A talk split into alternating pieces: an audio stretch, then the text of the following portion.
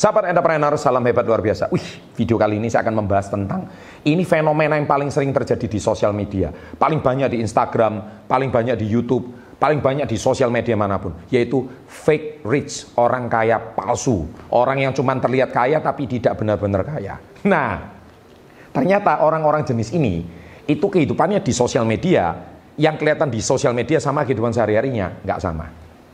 Alias berbeda total. Nah, kali ini saya akan bongkar 5 pertanda orang kaya palsu.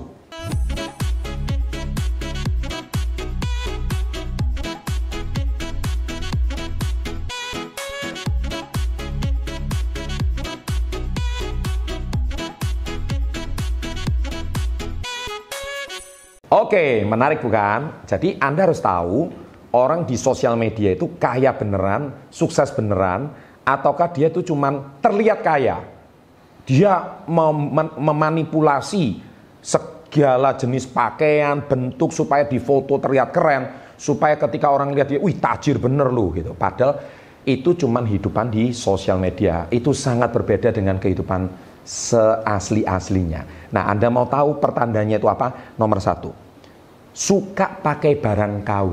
Nah, loh Pak, saya mana tahu ini KW atau enggak? Nah, gini, memang kita tidak pernah akan tahu karena barang KW atau tidak itu kelihatan dari kalau orang yang memang pakar di bidang itu. Contohnya pakai jam tangan KW, kita nggak tahu. Kalau di sosial media nggak kelihatan. Tapi kalau barangnya sudah dipegang, dibawa ke toko arloji yang asli, ke brand yang asli baru ketahuan kalau barang itu ada benar atau tidak gitu. Nah itu langsung ketahuan ya. Nah ini biasanya dia membuat sedemikian rupa supaya terlihat sukses, terlihat kaya raya di sosial media, entah tujuannya apa saya nggak tahu. Apakah dia itu mau punya follower kah atau dia mau punya usaha apa? I don't know. Tapi dia caranya harus dengan cara fake brand ya. Jadi barang yang palsu. Because a fake brand just for fake people. Oke? Okay?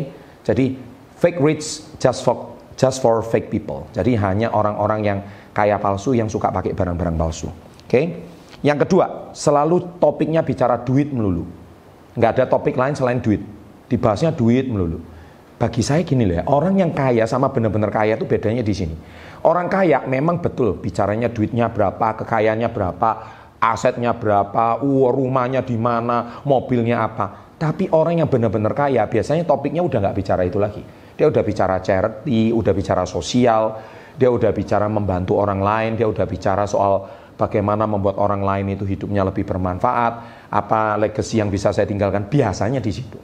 Nah itu ciri khasnya pertandanya kalau topik pembicaranya orang kaya palsu sama kaya beneran. Yang ketiga, ini orang kaya palsu itu suka mengejek orang lain, suka menghina orang lain. Ya, jadi kata-katanya itu karena jiwanya sendiri insecure, jiwanya sendiri itu merasa tidak aman, otomatis dia itu suka merendahkan orang lain, merendahkan martabat orang lain.